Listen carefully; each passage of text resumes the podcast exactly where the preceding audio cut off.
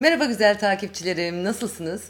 Ben bu aralar feci üşengecim ama güzel yorumlarınızda vallahi gaza geliyorum ve bu videoları çekiyorum. Tek kişi bile yazsa bana çok iyi geldi videonuz diye.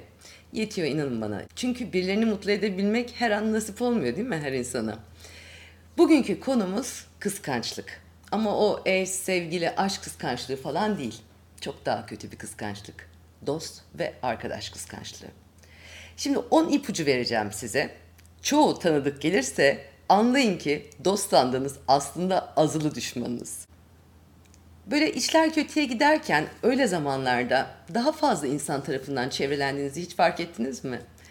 Birinin sizi kıskanıp kıskanmadığını söylemenin en mükemmel yolu aslında buradan geçiyor. Çünkü bazı insanlar resmen duygusal sülüklerdir. Yani kanayan yaralarınızdaki kanı emerek rahatlarlar. Onların kötü günlerinizde yanınızda olmaları ve dünyanız dağıldığında size destek olmaları aslında çok zor bir hareket gibi gelir size ama çok kolaydır. Kötü gün dostu dersiniz ve bunu nadir bulunan erdemli bir davranış olduğunu sanırsınız. Ama ne yazık ki her zaman kötü gün dostluğu iyiye alamet değildir. Çünkü kötü gününüzde yanınızda olmak bazıları için çok kolaydır. Neden mi? Çünkü onlar acınızda teselli buluyorlardır.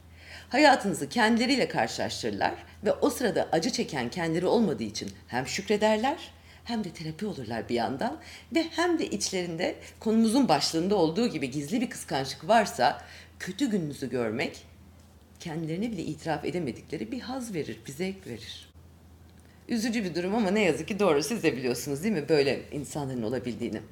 Çok dışarıda değil aslında. Acınızda rahatlık bulan, başarınızı kıskanan, her şey sizin için harika giderken sizin için mutlu olmayan insanlar hep yakınızdadırlar zaten. Çok dışarıda olanların size karşı duyguları nötrdür.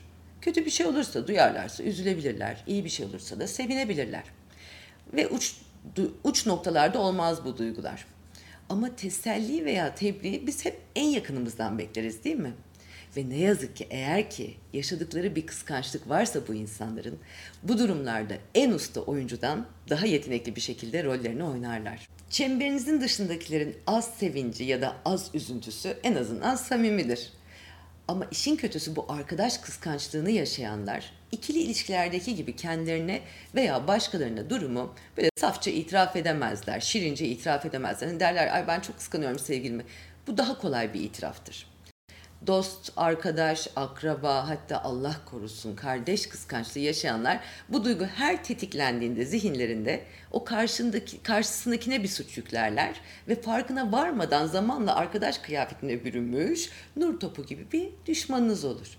Ve düşmanın en tehlikelisi bilinmeyen düşmandır.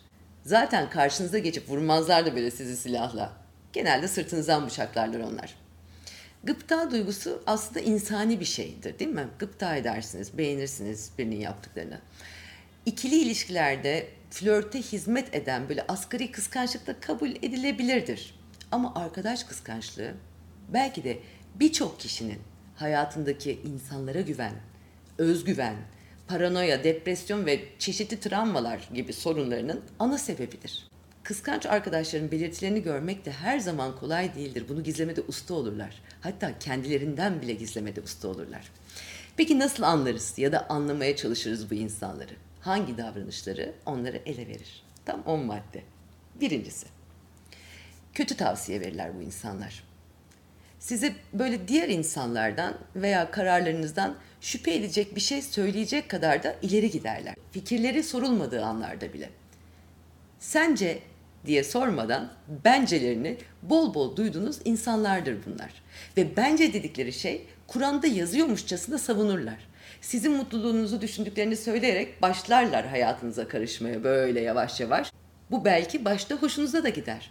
Ama bence şimdi şöyle bir yoklayın şöyle hayatınızı, kalbinizi, size, hayatınıza, kararlarınıza üstün bir bilmişlikle, fikirleri sorulmadan bile dayatıcı ve baskın davranarak müdahale edenler var mı yakın çevrenizde? Siz bunu düşünürken ben ikinci maddeye geçiyorum. Bu insanlar samimiyetsiz iltifatlar yaparlar. Nasıl yani diyeceksiniz. Örneğin size iyi bir şey söylendiğinde ya da bir kendisinde bulunduğu ortamda size övgü dolu sözler edildiğinde sahte ve zorlama gülüşlerini hissedersiniz. O his içinizdedir aslında ama siz de yakınınızın sizi kıskanabileceğini düşünmek istemezsiniz. O yüzden siz de adlandırmazsınız. Hatta sizi tebrik ederken bir başarı kazandığınızda seslerinin tonunun böyle değiştiğini görebilirsiniz. Terfi aldığınızda, geliriniz arttığında, yeni ve güzel bir ilişkiye başladığınızda ya da herhangi bir başarı elde ettiğinizde mecburiyetten kurdukları cümleler genelde de samimiyetsiz gelir size de. Ve usulen yapılan o tebrik konusu kendileri tarafından bir daha da açılmaz biliyor musunuz? Aslında yine hissedersiniz o duyguyu ama siz de asla dile getiremezsiniz. Arkadaşlığınız bitse bile getiremezsiniz. Çünkü kağıt üzerinde tebrik edilmişsinizdir. Hissettiğiniz duygu veya aldığınız garip enerji sizin için bile delil değildir. Ama artık inanın benim için büyük delil bu hisler. Bu insanlar isteksizce ve görev icabı sizi överler, tebrik ederler. Hatta bu konuda ilk öven ya da tebrik eden olmak için de üstün çaba gösterirler. İleride bu davranışları kendilerinin haklı çıkması için, kendileri için bile bir delildir. Kendilerine bile sunarlar o delili. Ben onu ilk tebrik edendim. Neden böyle yaptık, neden küstük ki derler. Halbuki kendileri küserler. Üçüncü maddeye geçelim. Başarılarınızı dikizlerler. Bu ne demek? Ee, şöyle açıklayayım size. Onları en çok rahatsız eden şey nedir biliyor musunuz hayatta? Başarınızın veya ve veya iyi şansınızın bir zincirleme reaksiyona falan girip çoğalmaya başlamasıdır. Bu olduğunda başarılarınızı küçümseyerek kendilerini daha iyi hissetmek isterler. Ünlü olsanız ünün kötülüğünden bahsederler. Zengin olsanız paranın önemsizliğini ve değersizliğini anlatırlar. Hatta sosyal medyada daha çok takipçiniz olsa bu aralar çok önemli ya bu. Sosyal medyaya hiç önem vermediklerini söylerler. Hatta kıskançlıkları beyin yakıcı seviyeye gelirse sosyal medya hesaplarını bile kapatırlar. Tabii ki kıskançlıktan değil, hiç önem vermediklerinden. Yine bu cümleyi başkalarına kuracakları gibi kendilerine de kurarlar. Bir şey elde ettiğinizde aşk olur, para olur, başarı olur, şanslı olduğunuzu söylerler size ve beyinlerinde bulunduğunuz yere ulaşmak için çok fazla çaba harcadığınızı bir türlü kabul etmezler ve size de bunu ettirmezler. Şimdi dördüncü maddeye geçelim. Hızlı geçiyorum çünkü çok uzun oluyor videolarım. Sıkılıyorsunuz diye korkuyorum. Öyle bir yorum almadım ama içimden öyle geliyor. Dördüncü maddeye geçiyorum. Hakaretlerle iltifat ederler. Ben de buna arkadaşlarım bilirler. İltifatlı küfür derim. Çoğu zaman böyle yöneltilen her iltifatlarının, size yönelttikleri her iltifatların altında gizli bir hakaret yatar. Bazen de böyle alaycı konuşurlar sizinle. Sizi daha iyi hissettirmek için övmezler. O övgüleri size öyle vermezler. Övdüklerinde sizi bir yanınızı yaraladıklarından emin olmak isterler. Siz o zararsız ve içinde övgü barındırıyor gibi gelen cümleyi duyduktan sonra Ağzınıza böyle acı bir tat gelir sanki ama yine de güzel ve yediğim şey dersiniz. Mesela, mesela çok seviyorum bu örnekleri çok yaşıyoruz çünkü hepimiz yaşıyoruz. Kilo almışsın sanki güzelim ama vallahi sana çok yakışıyor. Ben alsam çok çirkin oluyorum derler. Ya da senin gibi agresif birinin böyle bir eş bulması ne kadar büyük şans ya derler. Vallahi çok şanslısın başkası çekmez böyle dırdır falan derler. Tanık geldi mi? Ya da derler ki bayılıyorum şu evde düzene önem vermemene. Ben önümde bir tabak dursa rahatsız olurum ama sen ne güzel rahatsın. Uzun yaşayacaksın. Dağınıklık, kir, toz önemli değil senin için. Ay aynen senin gibi olmak isterdim derler. Tanıdık geliyor değil mi hepsi? Çok eğlenceli değil mi bunları duymak? Gelelim beşinci maddeye. Kendi başarılarını sizin yanınızda özellikle sizin yanınızda gereğinden fazla vurgularlar. Yani kendilerinin elde ettikleri her küçük kazanç ya da başarı büyük olarak anlatılacaktır, patlatılacaktır, hatta törenlerle kutlanacaktır. Ve şimdiye kadar sizin yaptığınız her şeyden çok daha büyük olarak görülüp herkese de gösterilecektir. Ama siz takmayacaksınızdır, görmeyeceksinizdir, hatta sevineceksinizdir. Mutlu olunca insanlar başkalarını da mutlu ederler diye düşünen mütevazı bir kişiliksinizdir. Hatta belki onun yanında dikkat çektiğiniz ya da çok övüldüğünüz için suçluluk bile duymaktasınızdır ve bu sebeple onun için bu başarıyı kazandığı için çok mutlu olmaktasınızdır. Çünkü mütevazısınızdır işte. Böylece onların bu kendilerini övmeleri karşısında sessiz kalıp o masallarını hem inanarak hem alkışlayarak hem de coşku duyarak dinlersiniz. Çünkü neden biliyor musunuz? Kerizsiniz. Hepimiz keriziz. Altıncı maddeye geliyorum. Aşırı rekabetçi olurlar. Bu aslında önceki konularla da ilgili. Sadece bir özet geçeyim. Madde olarak e, not almış bulundum. Her seferinde bu insanlar sizi geçmek isterler. Bu yüzden sizi değersizleştirmek için ellerinden geleni de yaparlar. Hem de en basit konuda öyle büyük konular beklemeyin. Örneğin pazardan 10 liraya kiraz alsanız onlar 8 liraya aldıkları için çok övünüp yarım saat konu hakkında nutuk atabilirler. Olur ya hiçbir konuda rekabet edemezlerse kusurlarınıza odaklanırlar ve zaman içerisinde konuştuğunuz tek konu sizin yanlışlarınız olur. Hatırlarsanız başarılar kısacık ve tek seferlik samimiyetsiz bir tebrikle geçiştirilirken kaşınıza yaptırdığınız ve çok memnun kalmadığınız dövme aylarca konuşulabilir. Onlar tarafından çareler alınabilir, nasihatler verilebilir. Gelelim yedinci maddeye. Onlarsız planlar yaptığınızda çok ama çok rahatsız olurlar. Öyledir değil mi? Bu da tanıdık gelmiştir kesin. Bilirsiniz bu hissi. Ama siz aşırı sevildiğinizden, paylaşılmak istenmediğinizden falan zannedersiniz.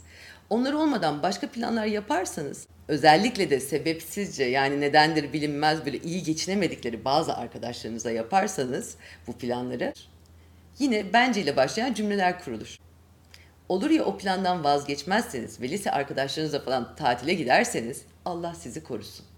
Bu aslında mevcut olmadıklarında, orada bulunmadıklarında olabilecek iyi veya heyecan verici bir şey kaçırmaktan korkmaları ya da kendi kum torbalarını siz oluyorsunuz o.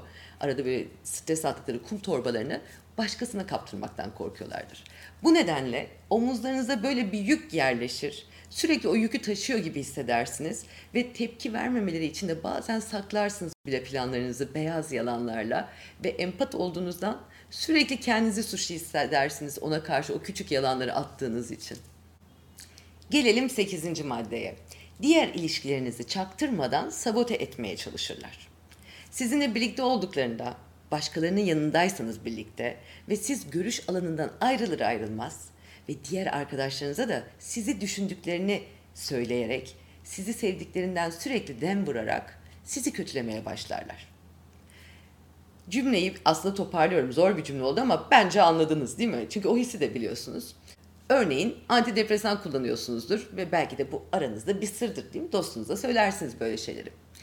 Der ki siz gidince oradan çok üzülüyorum filancaya. Çok sorunları var biliyor musunuz? İlaç da kullanıyor.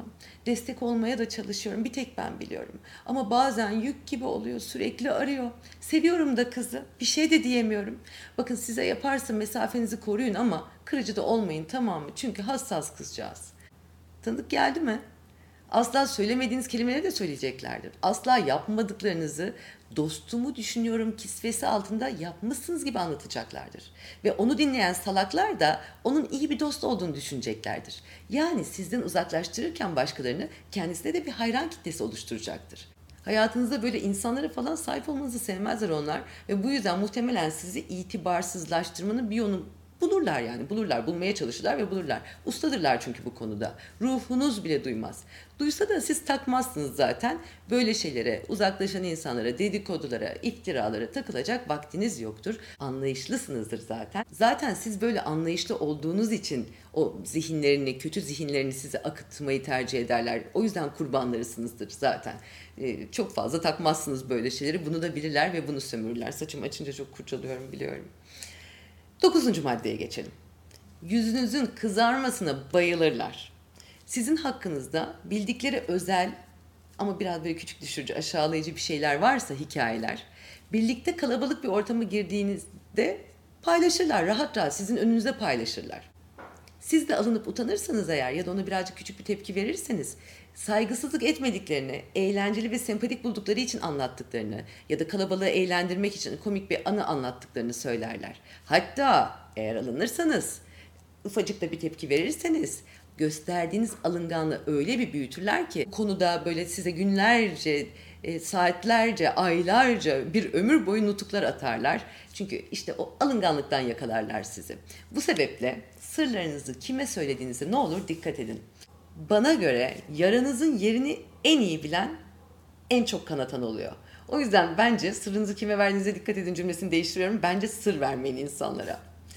10. maddeye geçiyorum. Hiçbir şey onları başarısız olduğunuzu görmekten daha mutlu edemez. Bu konuda tabii ki açık olmayacaklardır size. Ama yaşadığınız kötü bir durum karşısında içlerinde küçük bir kutlama dansı falan yapacaklardır evde. Tabii kutlayacaklardır çünkü o anı çok uzun süredir bekliyorlardır. O küçük beyinlerinde bu kötü olay zaten onların sizden daha iyi olduklarının nihai bir kanıtıdır değil mi? Nihayet gelir o kanıt. Ya da kendileri sefil durumdadır ve sefaletlerini paylaşacak birine sahip olmaktan o an için zevk alabilirler. İşte böyle. Birinin sizi kıskanıp kıskanmadığını nasıl anlayabileceğinizi merak ettiyseniz, ediyorsanız sanırım bu işaretlerle cevabı bulursunuz. Kötü ya da deli ya da öfkeli bir insanın bile hayatınızda yeri olabilir. Sorunlarını bildiğiniz, yani tanıdığınız düşman e, şeffafsa eğer, şeffaf insanlarsa sizi düş kırıklığına da uğratamazlar. Çünkü bilirsiniz onların ne olduğunu. Ama kıskanç insanların hayatınızda yeri yoktur. Çünkü onlar tam tersini yapıyorlarmış gibi hissettirerek seni sürekli aşağıya çekmeye çalışırlar. Yani tanımadığınız düşmanlardır onlar. Onları ne kadar erken çıkarırsanız o kadar iyi ve huzurlu bir hayatınız olur. Geçimsiz ya da nankör görünmekten de asla korkmayın. Melek olsanız bile sizi öyle görmek isteyenler göreceklerdir zaten. Benim özellikle son iki senedir bu umurumda değil biliyor musunuz? Negatif, manipülatif, samimiyetsiz herkesi çoğu zaman delillerle değil içgüdülerimle aldığım tuhaf enerjiyle çıkarıyorum hayatımdan. Kıskançlıklarıyla size bulaştırdıkları tüm toksinlerden arındığınızı aslında hayatınızın daha iyi hale geleceğini göreceksiniz siz de. Bakın kötü eşe ve kötü dosta tahammül etmek için çok kısa bu hayat. Sizden bir şey çalmadıklarını ya da zararsız olduklarını, kendi hislerin olduklarını, onları kendi hallerine bıraktık, bıraktığınızı düşünebilirsiniz. Ama en azından sizden zamanınızı çalıyorlar bu insanlar. Bir kahve sohbeti için bile olsa değil mi? O çaldıkları zaman çalınacak zaten en değerli şeyinizdir bu ömürde ve onu götürmüş olurlar sizden. O sevmediğimiz, asla gurur duymadığımız yalnızlığımızın bile nötr hali negatiften iyidir dostlar. Her zamanki gibi öpüyorum sizi ve negatif insanlardan Rabbim aman korusun hepimizi.